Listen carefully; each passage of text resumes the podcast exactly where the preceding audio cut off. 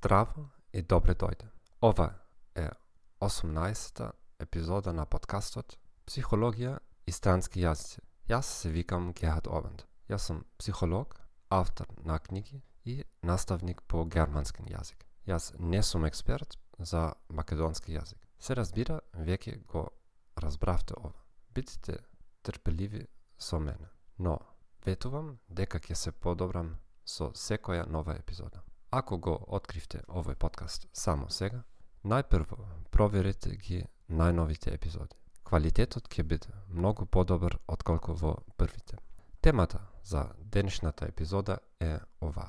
Треба ли да се фокусирам повеќе на зборување или пишување? Се надевам дека не ја пропуштивте нашата последна епизода, 17, 17 епизода, внатрешна и натворешна мотивација за учење на странски јазици. Сите епизоди на подкаст можете да ги најдете во нашата архива.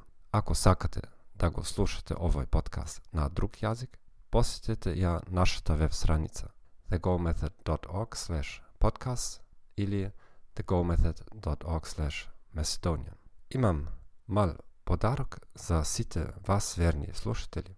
Ова неделя до петок на вечер можете да добиете една од моите книги бесплатно на Amazon в формат Kindle.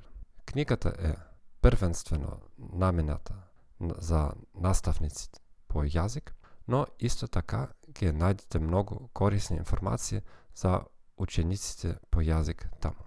Директна, директната врска можете да ја најдете овде на страницата на подкаст. Ако знаете наставници по јазик, ве молиме, испратите им ја врската. И благодарам од напред што напишав краток преглед на Амазон. Да започнеме. Дали треба да се фокусирам повеќе на зборување или на пишување?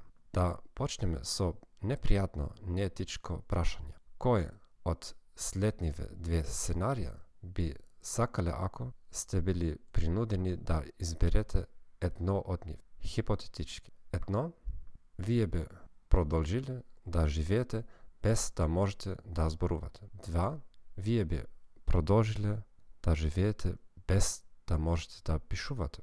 Која технологија е достапна денес за да ви помогне во секоја од двете ситуации? И што би чинело таа технологија? Повеќето луѓе веројатно би ја одбрале ситуацијата две. Наместо да пишуваат, тие би можеле да користат уреди за препознавање на глас. Тие диктираат епошта или зборуваат епошта. Многу мина од нас веќе живеат вака. Ние користиме Алекса или Сири за пребарување преку интернет. Ние испраќаме говорни или видео, пораки секој ден. Во многу земји, наставниците се уште стават поголем акцент на правилното пишување. Зошто е тоа? По прво, таа е света традиција во училишниот или барем така мислат. По друго, овозможува се полесно за наставникот и за училишниот систем. Полесно е да се тестираат 100 студенти, студенти со тест со повеќе кратен избор отколку секој од нив да разговара 45 минути еден по друг. Многу студенти предпочитаат да пишуваат на зборување. Зошто?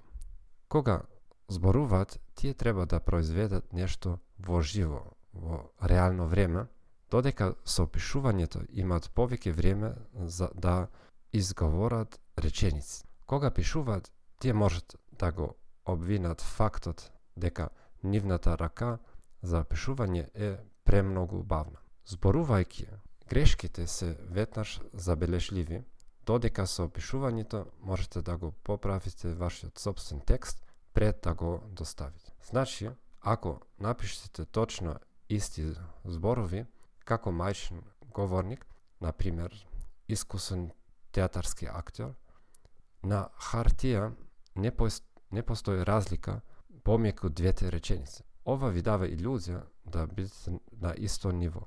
Меѓутоа, кога двајцата зборувате исти зборови, секој може да ја слушне разликата. Мојот предлог е да го ставам акцентот на зборувањето, особено во почетокот. Ако го направите тоа со вашиот мајчин јазик, дури и ако Сакате работа, каде, што треба само да напишете. Зошто? Вашето писување, пишување зависи од вашето размислување. И нашето размислување е обично интернализирано говорење. Ние ги слушаме нашите мисли во главата, не ги читаме во главата. Ви благодарам што ви што ја слушавте. Осно 15-та епизода од Психологија и странски јазици, се надевам дека овие информации беа корисни за вас. Ве молиме, предплатите се на нашиот канал на Apple Podcast, Spotify, Stitcher или вашата умилена услуга. Ве молиме, препорачите не на вашите пријатели и колеги. Како што ветив порано, јазичниот дел ќе се подобри со следните неколку недели. Сите најдобри и е Богом.